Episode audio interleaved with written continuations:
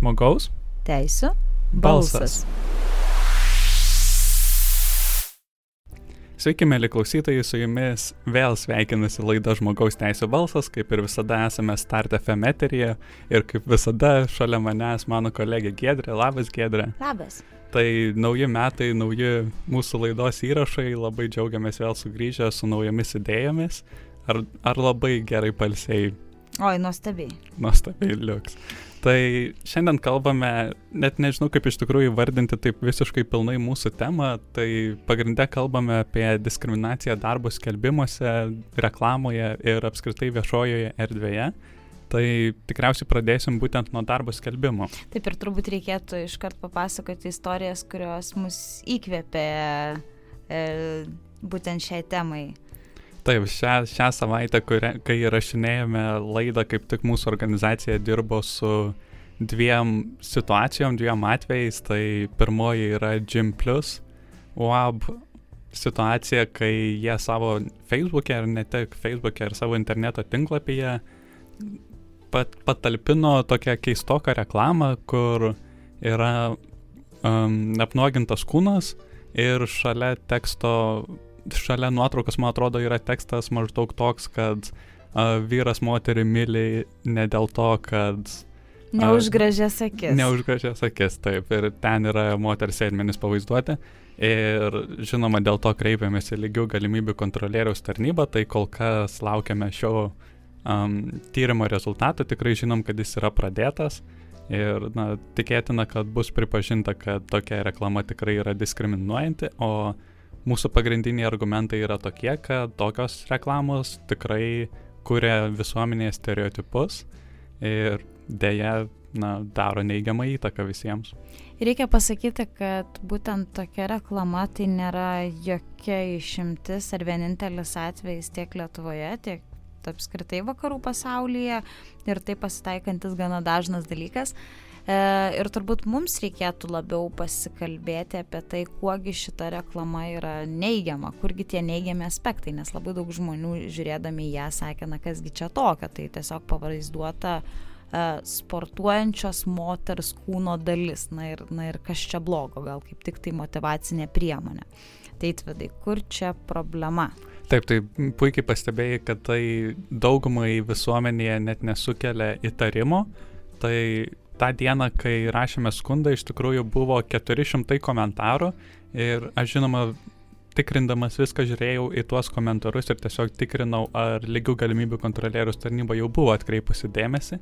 Tai tarp 400 komentarų, nes dažniausiai um, žmonės, kurie daugiau susitarė su šitomis situacijomis, jie tiesiog Facebook'e pamini komentaruose tarnybą ir jie dažniausiai atsiliepia šitaip, netgi be skundo. Bet dėja, tuose 400 komentarų tiesiog žmonės minėjo vieni kitų vardus ir jiems tai buvo labai labai geras jo kelias. Na, mums taip nepasirodė, kad tai buvo labai geras, tai kaip ir sakiau, pagrindinės rytis, kur yra problema, tai yra būtent stereotipų formavimas ir, na, akivaizdu, kad visuomenėje egzistuoja stereotipai, tačiau tais atvejais, kai verslas naudoja to, tokią pat retoriką kaip ir visuomenėje, būtent su diskriminacija, su stereotipais, jie ne tik, kad nepadeda išspręsti šių visuomenės problemų, bet jas dar ir paskatina ir padidina. Galbūt tai gali pasirodyti labai mažas dalykas, bet na, jeigu mes pastoju viešoje erdvėje matome tokią retoriką, tokią diskriminaciją ar tokius stereotipus, tai akivaizdu, kad mes ir esam linkę vartoti kasdienėje kalboje tokius dalykus. Taip ir geriausias turbūt ir yra pavyzdys tas, kad dauguma žmonių čia jokios problemos ir nemato ir sako, na, juk tai arba pokštas, arba tiesiog parodomas vienas ar kitas dalykas, kodėl į tai reikia žiūrėti taip rimtai. Bet turbūt iš to ir seka problema, kad mes nepastebime. Ir kyla klausimas, kaip identifikuoti tą problemą, argi ta reklama yra savaime bloga ar ne, ar, ar tai tiesiog mm, paprastas parodimas, paprastas pasireklamavimas. Tai aš manau, kad vienas pagrindinių klausimų, kurių mes turim užduoti, tai yra kokią žinutę siunčia ta reklama, kasgi yra paslėpta, ar ne? Apie tai turėtumėm kalbėti. Taip, galvot. tai čia tikriausiai yra pat, pats pagrindinis dalykas, kad reikėtų žiūrėti ne tik į pačią žinutę, į patį tekstą, bet ir koks yra skelbimo šalia tekstas, ir kokie paveikslėliai yra naudojami, kokia galų gale potekstė ir pagrindinė mintis tos reklamos, nes, na, dažnai būna, kad ir labai subtiliai, bet užslėptas būtent seksizmas lyties atveju.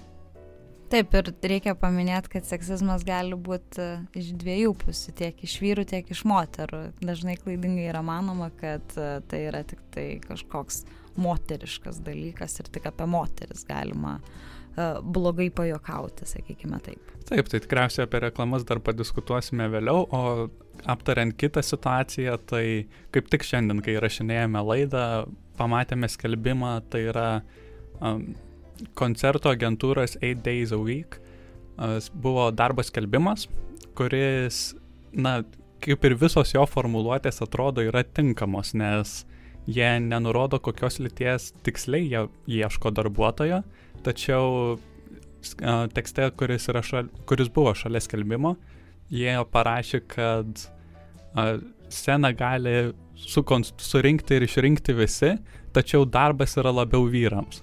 Ir, na, mums tai užkliuvo, iš karto su jais susisiekėme, tai kaip tik prieš laidą gavome informaciją, kad jie pasižadėjo tą skelbimą ištaisyti, tai labai džiaugiamės, kad jie greitai sureagavo. Ir kartais darbo skelbimuose galima pamatyti tokių ar panašių užuomenų, ar, nežinau, ieškoma kasininkės, vairuotojo. Ir nebūtinai iš blogos valios taip yra padaroma. Kartais tai yra nežinojimas, paskubėjimas, neįsigilinimas į detalės, bet vis dėlto tai yra pažeidimas. Taip, tai pagrindinis yra dalykas, kad būtent dėl formuluo, formuluočio, aš sakyčiau, čia yra pats dažniausias pažeidimas, tai jeigu mūsų klausytājams įdomu, tai tiksliai yra pažeidžiamas lygių galimybių įstatymas ir moterų ir vyrų lygių galimybių įstatymas juos abu jų priežiūrą vykdo lygių galimybių kontrolierius tarnyba. Tai tarnyba tikrai ne vieną rekomendaciją taip pat yra parengusi, kaip turėtų atrodyti darbo skelbimai. Tai iš esmės turėtų būti naudojama arba vyriška formuluotė, kuri laikoma, kad apima abi lytis. Ir yra ne, neutrali ne, taip, labiau. Netgi ne abi lytis, o visas lytis apskritai. Ir arba rekomenduojama nurodyti ir vyrišką, ir moterišką daiktavardžio giminę skelbime. Tai iš tikrųjų tai yra ir tarptautinė praktika, kiek aš žinau, ir kitose šalise tikrai yra naudojama. Žinau, kad Vokietijoje, kiek girdėjau, dabar kaip tik nuo 2019 sausio įsigalioja įstatymas, kuris pripažįsta vadinamąją trečią lytį, lytį arba X lytį. Tai kiek žinau, dabar darbo skelbimuose jie turi nurodyti netgi visas tris lytis, kas irgi yra gana įdomu. Na, o kitos situacijos, tai kiek aš esu matęs ir susidūręs, tai būna tikrai labai labai įdomios.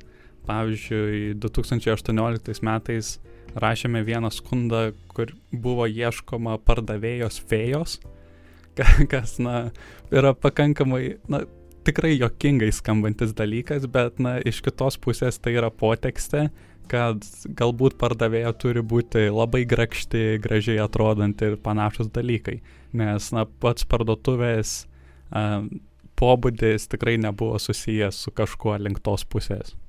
Ir labai liūdna būna tada, kai darbdaviai pateikia tokio pobūdžio skelbimą, sako, na ir kas čia tokio, mes ieškome pardavėjos, nes juk dažniausiai pas mus dirba pardavėjos, moteris, tai kasgi čia blogo.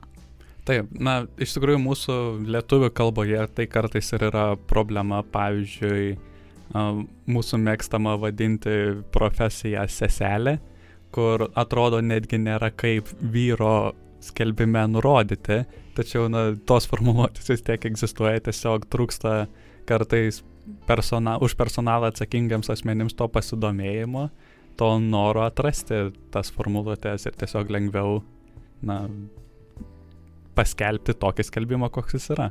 O kita vertus, galbūt tai ir ateina iš visuomenės tų nusistovėjusių stereotipų. Ir kuo daugiau tokių skelbimų, tuo daugiau mes įtvirtinam, tarsi dar labiau uh, apibrėžiam, kurios specialybės yra moteriškos, kurios vis dėlto specialybės yra vyriškos. Ir dar tik labiau gilinam prarąją. Ir vėl atrodo toks mažas dalykas, ar ne? Tik tai kažkoks tai darbo skelbimas.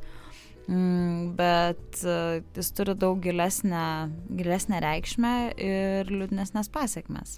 Taip, tai tyrimai tikrai nekartai yra parodę, kad kai skelbimuose yra vartojami, žinoma, čia labiau uh, buvo anglų, anglų kalba kalbančiose šalise šitie tyrimai daryti, bet manau panašus rezultatai būtų ir Lietuvoje, kad kai naudojami tie būdvardžiai, kurie yra siejami su vyrais, tai dažniausiai tada moteris net ir nesiunčia savo CV į tokius darbo skelbimus, į tokius pasiūlymus.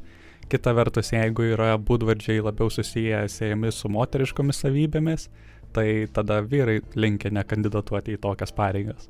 Taip, tai čia irgi labai turbūt gera pastaba, kad reikia pasakyti, kad ne tik yra pats ta žodis, ar ne, kokios profesijos ieškome ir nurodyta ta galūnė, bet taip pat ir būdvardžiai ir kaip apipavydalinam. Ir vėl dar tas didesnis stereotipas, koks yra vyras ir kokia yra moteris. Taip, ir tie stereotipai, kaip jau, nes, kaip jau esam nekartą kalbėję, tai kyla nuo labai labai mažų dienų. Ir nuo visų žaidimų, tai mergaitai sako, mane lipki medį, ten išsipurvinsi dar kažkas, berniukui sako, nežaik su lėlėmis, ten, nežinau, žaislus tie patys skirtumai, tai faktas, kad visi įgūdžiai tiek darbiniai, tiek asmeniniai įgūdžiai, jie yra ūkdomi nuo vaikystės ir akivaizdu, kad turi poveikį ir vėliau.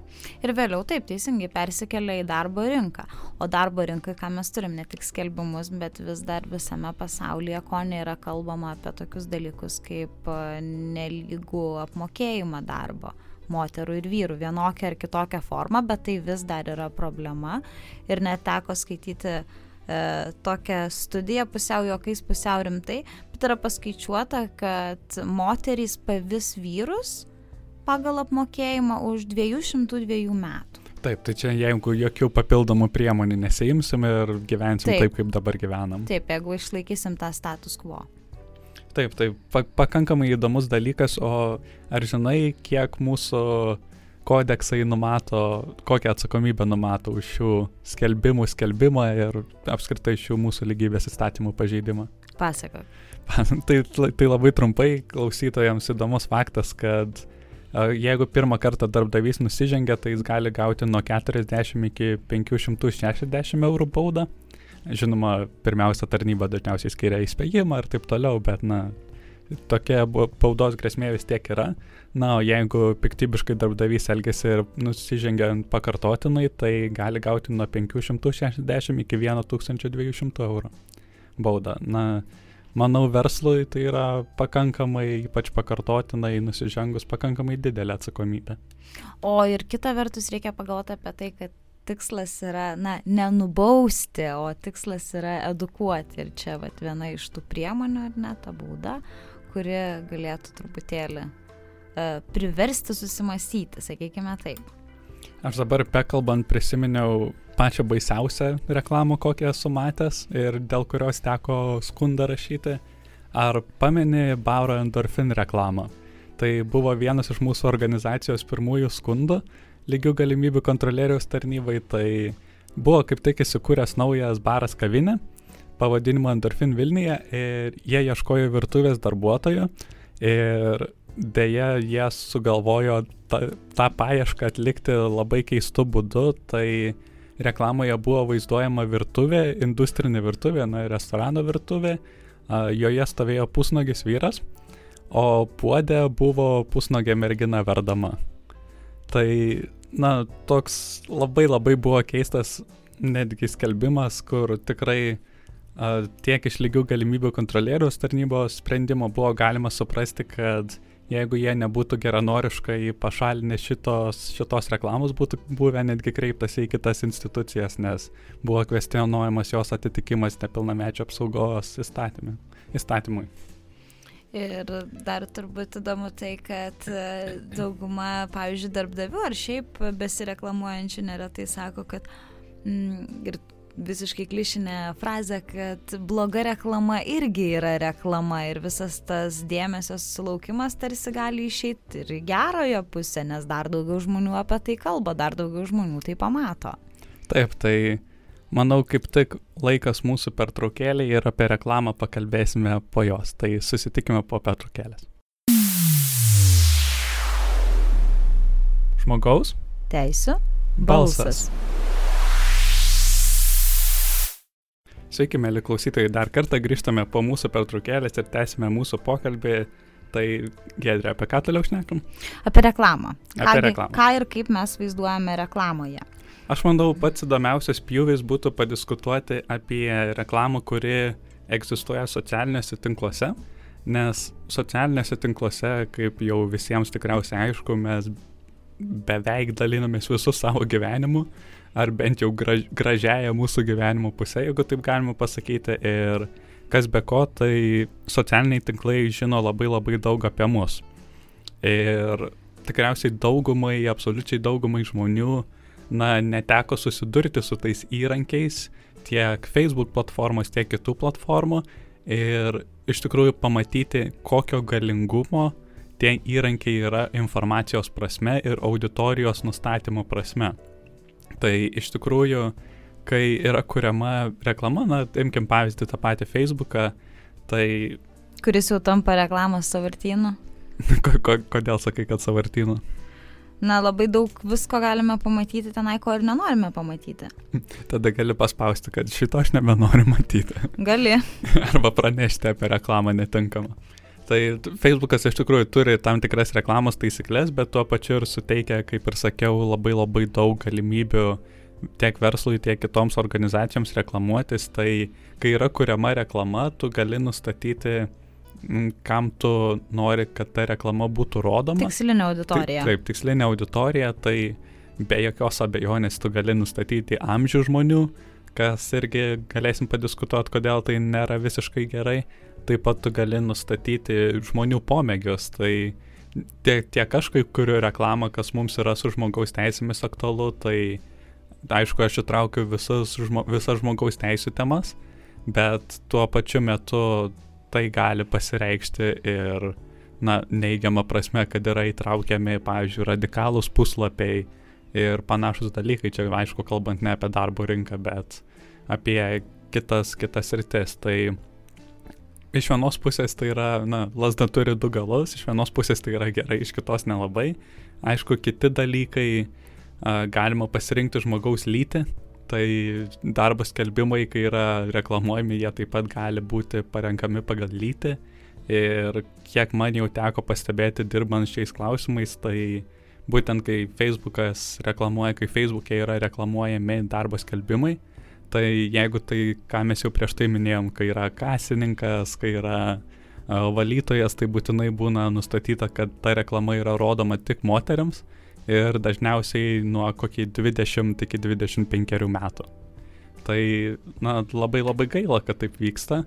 Ir dar netgi tokie įdomus faktai, kad, pavyzdžiui, na, Lietuvoje šitas nustatymas tikrai nėra labai naudingas, bet, pavyzdžiui, Amerikoje Facebookas netgi gali nustatyti asmens priklausimą politiniai partijai, tai kadangi yra dvipartinė sistema, tu gali pasirinkti, kurios partijos, kuriai partijai prijaučiančių žmonės tu nori įtraukti į savo tikslinę auditoriją.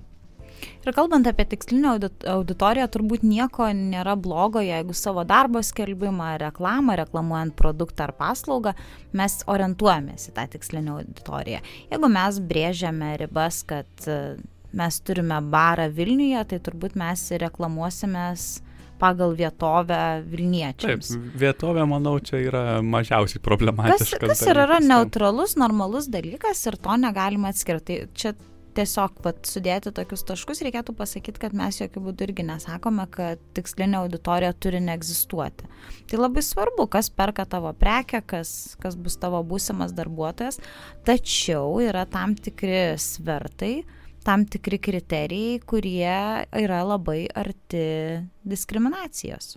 Taip, tai būtent amžius dažniausiai yra ta, tas, tas dalykas, kuris, na, žmogaus teisų organizacijų sukelia žmogaus teisų organizacijas ant kojų, tai kiek skaitėme besiruošdami šiai laidai, tai kai kuriuose šalise yra pradėti ir teismo procesai dėl Facebooko veiksmų, dėl Facebooko leidimo skelbti tokius darbo skelbimus, nes, na, dėl amžiaus, aišku, diskriminacija egzistuoja, tai gali egzistuoti tiek na, jauniems žmonėms, kurie dar neturi patirties ir būtent siekiama tada ieškoma darbuotojų, kuris turi, na, gal netgi nereikėtų vadinti to patirtimi, nes, na, tiek jaunas žmogus gali turėti labai daug patirties, bet jis gali nepamatyti to darbo skelbimo vien dėl to, kad buvo nustatyta, kad ieškoma žmonių nuo 30 metų. Taip ir suponuojama, kad e, yra tarsi tobulas vienas darbuotojas, nustatant lytį, Taip. nustatant amžiaus grupę ir dar kitus kriterijus, kurie vėlgi, kaip sakėm, turi diskriminacinio pobūdžio aspektų. Ir taip, tos dvi grupės, jeigu kalbam dabar tik tai apie amžių, tai viena vertus gali nukentėti jauni žmonės, tarsi mes prezumuojam, kad jaunas žmogus neturi nei patirties, nei reikalingų įgūdžių, bet lygiai taip pat ir vyresnieji žmonės, kurie jau e, neretai, kaip sakoma, yra per seni tam darbui. Taip, nors. Kad ir koks tas darbas bebūtų. Nors iš tikrųjų kai pažiūri tiek jaunų žmonių, tiek senyvo amžiaus žmonių, jų yra labai įvairių, su labai daug talentų ir, na, užimtumo problemos egzistuoja tiek vienoje, tiek kitoje grupėje ir, na, manau, darbdavių daroma klaida yra labai didelė, kad jie na, nenori įtraukti tokių žmonių į savo darbovietę, nes jie iš esmės praranda talentus. Taip ir čia jau buvo toks dalykas ne tik, kad darbdavys nukenčia, bet ir rimti klausimai buvo kelti ir Google, ir Facebook, ir taip mes kalbam jau apie teisminius procesus. Taip, tai dar apie šios procesus, ką galima paminėti, tai vienas, vienas tyrimas buvo darytas apie Google paieškos rezultatus.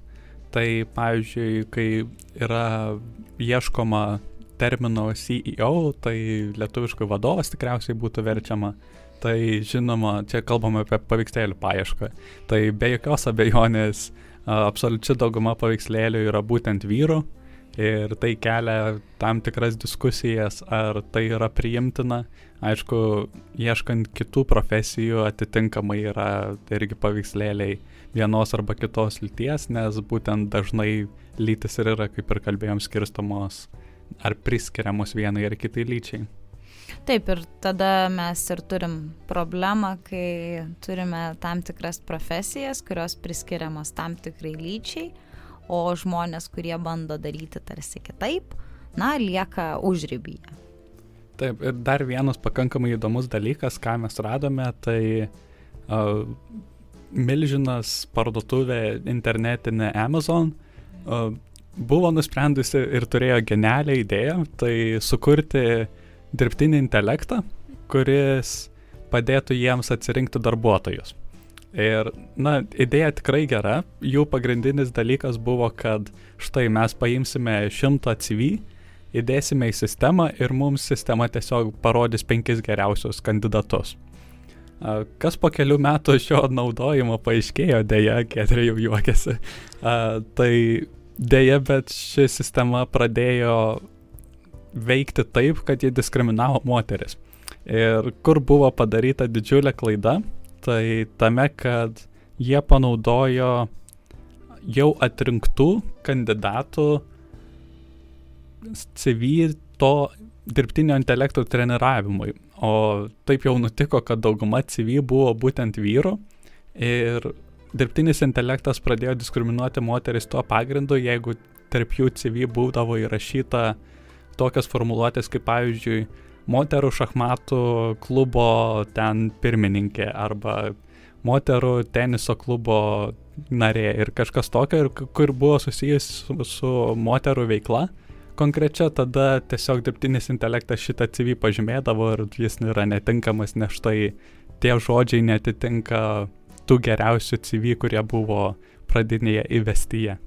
Tai kitaip tariant, dirbtinis intelektas išmoko diskriminuoti remdamasis tuo, ką, ką matė, su kuo susidūrė. Taip, taip, taip. Tai labai labai tikriausiai, na, iš vienos pusės geras visuomenės atspindys, tai yra realus visuomenės atspindys, realus kompanijos atspindys, nes, na, akivaizdu, kad jeigu buvo tokie gyvenimo aprašymai įkelti į sistemą, tai vadinasi, na, darbuotojai nebuvo galbūt visiškai laikantis nediskriminavimo taisyklių priimti.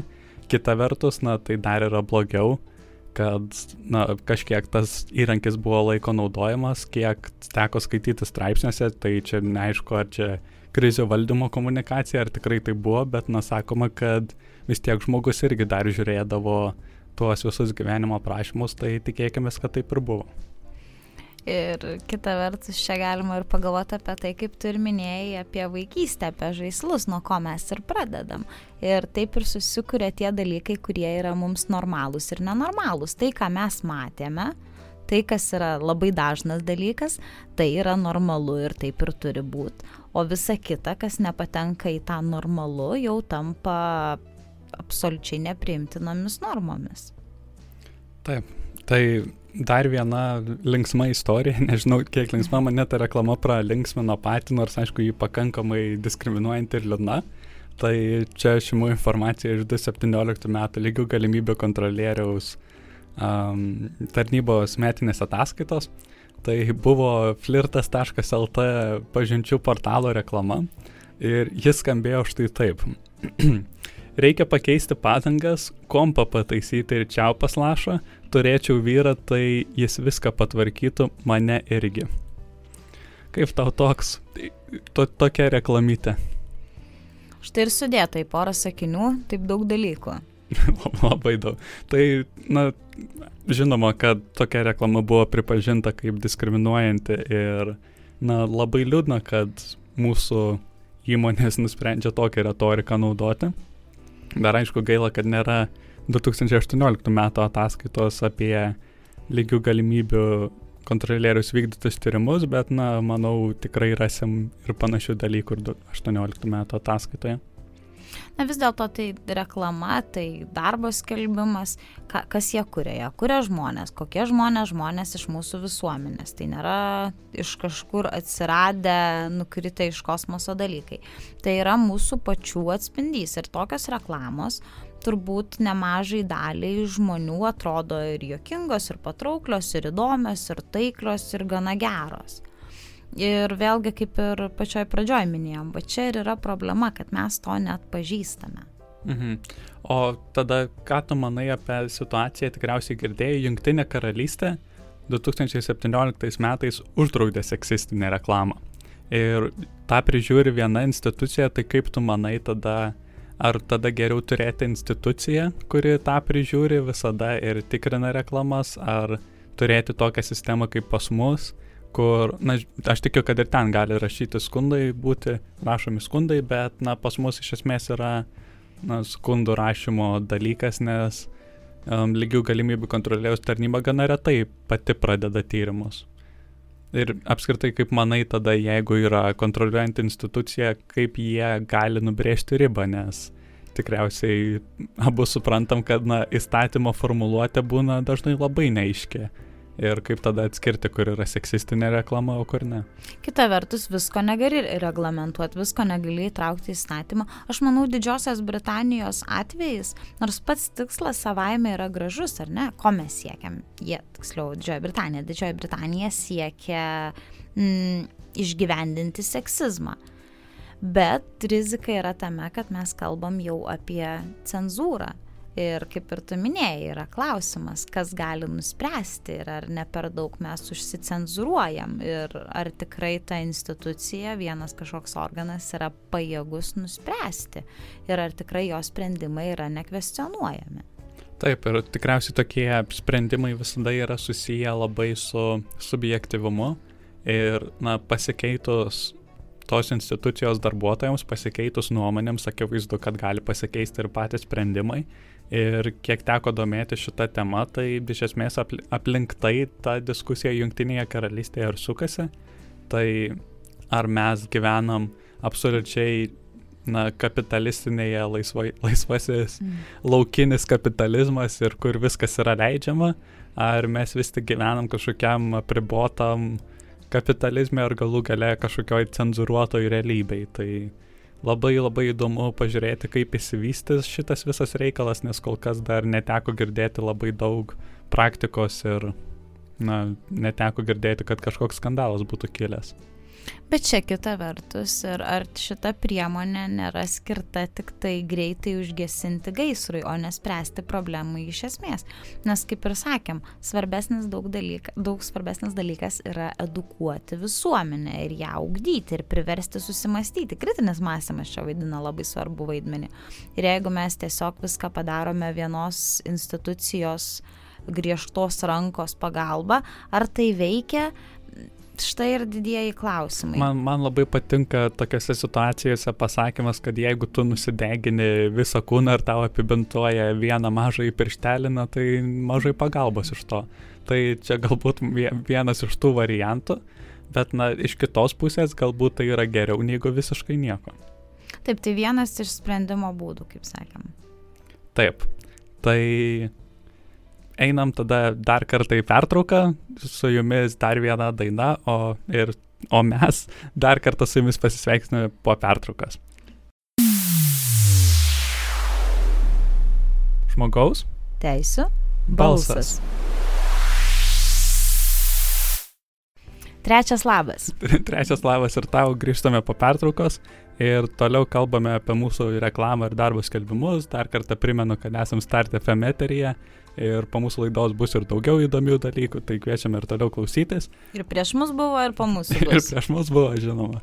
Tai, na, po pertraukos, aišku, reikia kažką įdomaus ir galbūt pusiau jokingo papasakoti, tai dar viena įdomi situacija iš metinės veiklos ataskaitos lygių galimybių kontrolieriaus tarnybos, tai Kauno Girstučio baseino tyrimas, kur, na, man net pavadinimas šiek tiek šypsanas sukelia, bet na, galbūt čia kauniečiams nebūtų taip jokinga, bet situacija buvo tokia, kad kovo 8 dieną, na, visų žinoma, visų taip laukiama mūsų visuomenėje moterų diena, kai kažkodėl tai dovanojamas gėlės ir švenčiamas moterų grožis, nors nelabai tam yra diena skirta, bet, na, apie tai galbūt kitą kartą.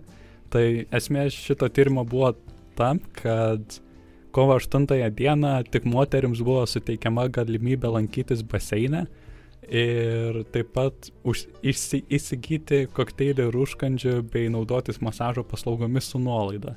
Kaip tau toks variantas? Įdomus? Įdomus, tai, na, akivaizdu, kad akivaizdi diskriminacija lyties pagrindu, kad ir kovo 8, kad ir moterų diena, bet, na, dėl to tikrai nederėtų diskriminuoti vyrų ir taikyti skirtingų kainų, taikyti kitokias įėjimo į baseiną sąlygas ir panašiai.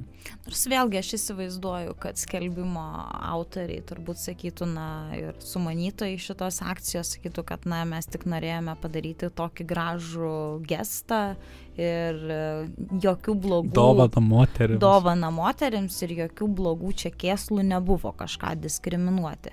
Tai vėl turbūt atsirandantis dalykas iš nežinojimo, ne iš blogų pinklių savo. Na, tikėkime, kad taip. Tai ki kitas dar įdomus dalykas, ką aš radau ir kas man jau iš tikrųjų senai kėlė klausimą, bet pagaliau radau atsakymą bent jau šiek tiek į jį. Tai o kaip yra su studentų nuolaidomis ir kodėl tada jos yra taikomas ir ar tai nėra diskriminacija kažkokio pagrindu kitų asmenų prasme, tai kaip galvoji? Pasako, kaip yra. Gerai, papasakosiu. Tai buvo lygių galimybių kontrolieriaus tarnybos tyrimas, tai 2017 metai pradėtas prieš Tele2, kurie taikė studentams už tą pačią kainą didesnį interneto duomenų kiekį, bet kas lygių galimybių kontrolieriaus tarnyba, kaip supratau, laikosi tos nuomonės, kad studentams nuolaidos yra viskas gerai, nes studentai yra tam tikra socialinė grupė, kurie dažnai siejami su mažesnėmis pajamomis ir jeigu verslas nori padėti studentams, tai viskas yra su tuo tvarkoje.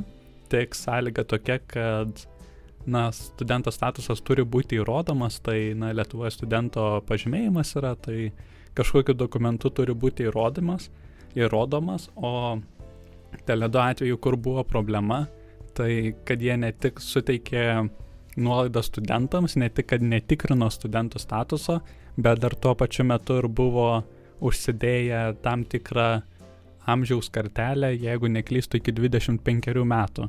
Ir tada va jau kyla problema, kad na, studentai tikrai būna ne tik iki 25 metų, ir žmonės studijuoja ir antrą, ir trečią kartą, ir doktorantūrą, ir rezidentūrą. Arba vėliau studijuoja. Taip, ir tai akivaizdu buvo diskriminacija amžiaus pagrindu ir žinoma buvo pripažinta, kad tai buvo pažeidimas. Aišku, Teledu pats teisinasi, kad na, iš, iš esmės naudodamas tos pačius argumentus, kad tai socialinė grupė labiau pažeidžiama, kad jų pajamos yra mažesnės ir taip toliau ir taip toliau. Bet, na, akivaizdu, kad yra įvairių studijų formų, tai tiek įvairios vakarinės, tiek sesinės studijos, kur žmonės tikrai derina ar darbą ir studijas, tai ta jų argumentacija tikrai nebuvo labai stipri. Taip, nors įdomus dalykas yra su, aš nežinau kaip dabar vadinasi, bet dieninio ir nekivaizdinio skyriaus studijų studentais.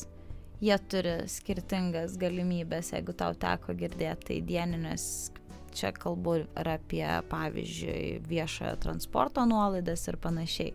Tai toks atskirimas vis dėlto egzistuoja, bet kaip tu ir minėjai apie nuolaidas studentams, tai jeigu, pavyzdžiui, kalbame apie viešai transportą mano minėtą, tai štai kodėl e, kontrolieriai jūsų prašo pažymėjimo įrodyti, kad iš tiesų esate studentas. Taip, nes, na, bent jau viešojo transporto ir apskritai transporto nuolaidos studentams tai tikrai yra taikomos pakankamai didelės. Taip, o dar taip bendrai kalbant apie reklamas, ir apie tuos įdomesnius dalykus. Mm, dar vakar galvojau, na štai pasigūglinsiu kažką įdomaus apie tas labiausiai seksistiškas reklamas. Ir radau tokį mažą straipsniuką su top 10 visų laikų seksistiškiausiam reklamom. Tai jau pasako. Atsidariau ir galvojau, na mes kalbėsime apie 60-uosius metus, 50-uosius metus, kur visos moteris buvo vaizduojamos gal labiau kaip namų šeimininkės, kaip priedėlis prie vyro, kaip e, žmogus, kuris laukia vyro namie ir kepa labai skanų piragą ir panašiai.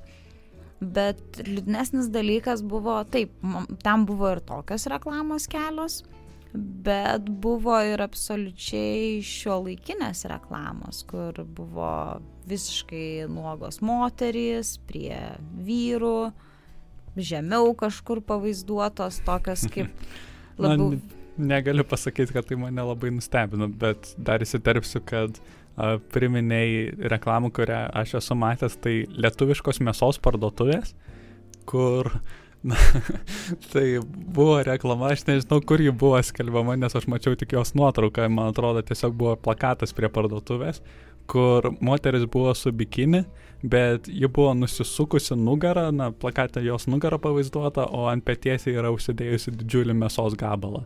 Tai, na, čia sociologija, lyčių studijose vadinamas tas seksels, seksas parduoda, kur ta, tos reklamos yra skirtos būtent pritraukti uh, vyrų dėmesį ir tai grindžiama tuo, kad na, vyrai yra pinigus uždirbantis ir taip toliau ir taip toliau. Na, bet čia šiek tiek į kitą pusę. Ir vėl turbūt tas pats užburtas ratas, kodėl ir, ir į tą pačią. Ir kiek teko domėtis visa reklamos istorija ir moterų šiuo atveju vaizdavimo juose, tai nuo pat pirmųjų laikų kai jau ta reklama įgavo savo tokį pavydalą, kokį daug mes įsivaizduojam dabar, tai 20 amžiaus pati pati pradžia, Tai kas buvo su moterim? Tai moteris iš pradžių buvo kaip gera teta, kuri gamina gerą padažą arba pirago kepinius. Ir taip stereotipiškai vaizduojama. Po to, ką mes turėjom, po to mes turėjom antrą pasaulinį karą, kur pavyzdžiui Amerikoje labai stipriai buvo stengiamasi pavaizduoti, jog moteris turi būti lojali ir ji turi dirbti namie arba kažkur fabrike, kad išlaikytų karo pramonę. Tai vėlgi ta vadinamoji karinė propaganda. Ir antrasis pasaulinis karas baigėsi ir ką mes turime, moteris vėl grįžta į namus, ji vėl yra namų šeimininkė. Ir kokius produktus reklamuoja moteris? Moteris reklamuoja viską, kas yra susiję su namų ruoša, apyvoka ir panašiai. Tai ką tu sakai, iš esmės reklama bent jau tuo metu buvo skirta tam, kas yra naudinga tuo metu valstybės ekonomikai apskritai. Taip. Tik tai 60-aisiais mes turėjom tokį įdomesnį dalyką, kas iškyla, tai iškyla feminizmo bangos ir bent jau Junktinėse Amerikos valstijose mm, moterų organizacija nacionalinė tarsi atsistojo ir pasakė, na, kad kiekgi galima. Moteris yra, na, ne tik toksai objektas, kuris sėdi namie arba kaip sekso objektas. Ir tuomet buvo keli mitingai surenkti ir įvairios kampanijos parodomasios, kad, na, vaizduokime moterį kitaip, juk ji nėra vien tik tai toks dalykas mm, kuris, kaip sakiau, sėdi namie ir atlieka tik tai būties namų darbus. Ir toliau viskas taip ėjo, ėjo per, per laikus. Ir įdomu dar vieną dalyką radau, kad pirmoji afroamerikietė, kuri pradėjo reklamuoti kosmetiką, pasirašė kontraktą su viena kosmetikos kompanija, tai buvo Tyra Banks ir tai buvo tik tai 1992 metais, kaip neseniai. Taip, tai iš tikrųjų, jeigu pameni praeitais ar užpraeitais metais pop žvaigždė Rihanna irgi išleido savo kosmetikos liniją ir tai buvo, na, irgi didžiulis sprogimas socialinėje erdvėje, nes štai pagaliau ten pudros spalvos yra pakankamai atitinkančios visus odos atspalius ir taip toliau ir taip toliau. Ir kaip mes ir minėjom, atrodo mados laidoje, kad na, tikrai mados industrija kažkaip nelinkusi prie visų odos spalvų prisitaikyti. Taip, ir tai vėl sukūriamas tiesiog vienas paveiksliukas, vienas trafaretas, pagal kurį turėtų sekti e, visa visuomenė. Amerikoje atsitiko dar vienas dalykas, kas ir išsiplėtojo po to toliau į visą pasaulį, kad e, jau čia aš kalbu labiau apie 90-uosius, 80-uosius, kad reklamose vaizduojamos manekenės modeliai yra, kaip net skaičiau, 2-3 kartus mažes, e, mažesnės negu vidutinė amerikietė. Ir kokia iš to problema kilo, tai tiesiogiai labiausiai pasireiškusios problemos tai buvo padidėjęs procentas merginų moterų, kurios serga bulimija ar anoreksija. Taip. Valgymo sutrikimai. Pa, pa, pakankamai ir dabar dar didelė problema, sakyčiau, su šiomis lygomis, šiais sutrikimais viena iš priežasčių galėtų būti ta, kad, na, ką mes matome reklamoje. Reklamoje matome paveiksliuką, į kurį turėtume lygiuotis ir ar kaip atrodo tas paveiksliukas. Taip, tai be jokios abejonės, bet aišku, prie šios problemos prisideda ir kiti tiek visuomenės nuostatos, kurios vėlgi formuojamos tiek reklamos, tiek kitų veiksnių, tiek, na, filmai ir taip toliau, kur tikrai yra atrenkami aktoriai, na, tarkim, ne, netitinkant bet kurios visuomenės imties, na, vid, vidutinio tiek kūno sudėjimo, tiek, hmm. tiek išvaizdos ir taip toliau. Ir dabar prisimenu tokį dalyką ir žaislai, ir barbė, garsioji lėlė, kuriai dabar beros būtų jau kokių 80 metų, kaip seniai jau mes turime barbę.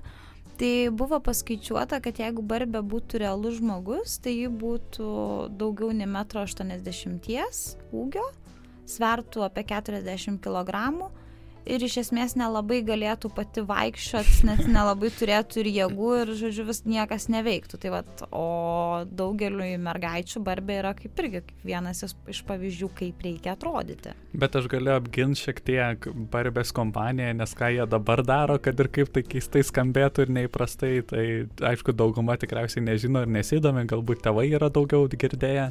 Tai a, Barbės kompanija kūrė YouTube video, kur Barbė, na tiesiog imituojamas, vadinamas tos vloginimas, kur Barbė išneka vaizduojama savo kambaryje ir jie iš tikrųjų išneka apie rimtas problemas, apie patyčias, apie grožio stereotipus ir taip toliau ir taip toliau, tai manau, kad jie juda labai pozityvę linkme. Taip, tai labai geras sprendimas, labai, labai gražus, teisingas ir turbūt gal ir nebuvo iš pradžių toksai mm, ryštingas, drasus sprendimas, bet... Taip, aš manau, tai palaipsniui atėjo. Taip.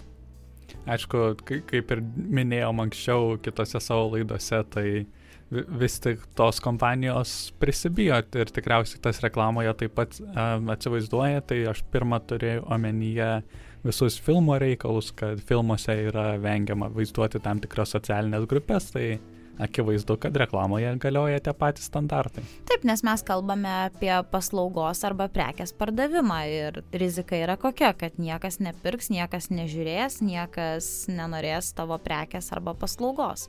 Ir mes kalbame apie pinigus, tai arba tu uždirbi arba ne. Bet etikos turbūt reikėtų nepamiršti taip pat. Taip, aš dar prisiminiau vieną situaciją, tai galbūt irgi būsi girdėjusi, tai Amerikoje yra populiari Campbell sriuba, tai tarp skardinių parduodama tokia sriuba, tarp raudonų tokių. Ir jie kažkuria, kažkuriais metais išleido reklamą, kur uh, dviejų vyrų pora su vaiku tiesiog tą sriubą valgo. Ir žinoma, tai sukėlė didžiulį pyktį visuomenė, iš kitos pusės, žinai, aišku, žmogaus teisė aktyvistai sveikino tokį pobūdį, bet kas įdomu ir iš komunikacijos pusės, kad Amerika, Amerikos kompanijos yra priėmusios tą tokį įdomų dalyką, kad jie, jų brandai, jie turi tas personalijas tokias, kurios atrašinėja žmonėms socialinėse tinkluose ir taip toliau, tai uh, jie savo kritikams uh, atrašinėjo, na, homofobiškiams kritikams jie savo atrašinėjo, kad galbūt jums padėtų sušildyti jūsų širdį būtent mūsų sriuba, nes, na, jie, jie tai aišku, labai labai negražiai išnekėjo komentaruose ir jie tiesiog labai neutraliai, na, gal ne neutraliai, bet taip labai gražiai nuleido visą situaciją ant žemės. Gražus pasirinkimo būdas, nes kita vertus, jeigu per daug kartais kovojama, tai dar didesnis susipriešinimas gaunasi. Taip, tai labai paprastas pavyzdys, kai tu gali iškomunikuoti žinutę, pasirinkti, na, parodyti netgi per reklamą savo vertybės kaip, kaip įmonės, kaip, kaip, kaip brendo. Tai kalbėjom apie tai, tai labai labai įdomi, sakyčiau, laida mums gavosi ir tikrai dar turim ką pasakyti, bet dėja, dėja laikas mūsų bėga į pabaigą, tai ką, ką turi pasakyti paskutiniam žodžiui. Labai gaila, kad vizualiai negalime parodyti kai kurių reklamų, bet paskutinį dalyką, kur, kurį turbūt norėčiau pasakyti, tai apie tą kritinį mąstymą. Ir pamačius reklamą, kartais netaip jau aklai žiūrėti ir lengvai priimti, kas tai yra. Gal paklausti, kaip ir sakėm, kokiagi pagrindinė žinutė tos reklamos. Taip, o iš savęs aš gal pridėčiau, kad jeigu pamatot ir įtarėt, kad reklama galėtų pažeisti įstatymus, kad ji yra diskriminuojanti, kad ji yra kurianti stereotipus, tai nebijokit susisiekti tiek su nevyriausybinėmis organizacijomis ir pasiklausti jų nuomonės, ir tiek kreiptis į lygių galimybių kontrolierius tarnybą, ir jie tikrai yra linkę padėti ir atsakyti jūsų klausimus. O kita vertus ir tie, kurie kuria reklamas arba darbo skelbimus, jie irgi visada gali kreiptis tiek į nevyriausybinės organizacijas, kurios veikia su žmogaus teisėm, tiek į lygių galimybių kontrolieriaus tarnybą. Kodėlgi nepasiklausti dėl visako? Taip. Gerai, ačiū Gedrė tau už pokalbį. Dėkui, Tudai. Ir susitiksime kitą kartą, kaip ir minėjau jau prieš tai, kviečiu klausyti ir kitų laidų Start FM eteryje ir labai labai puikios muzikos. Tai iki. Iki.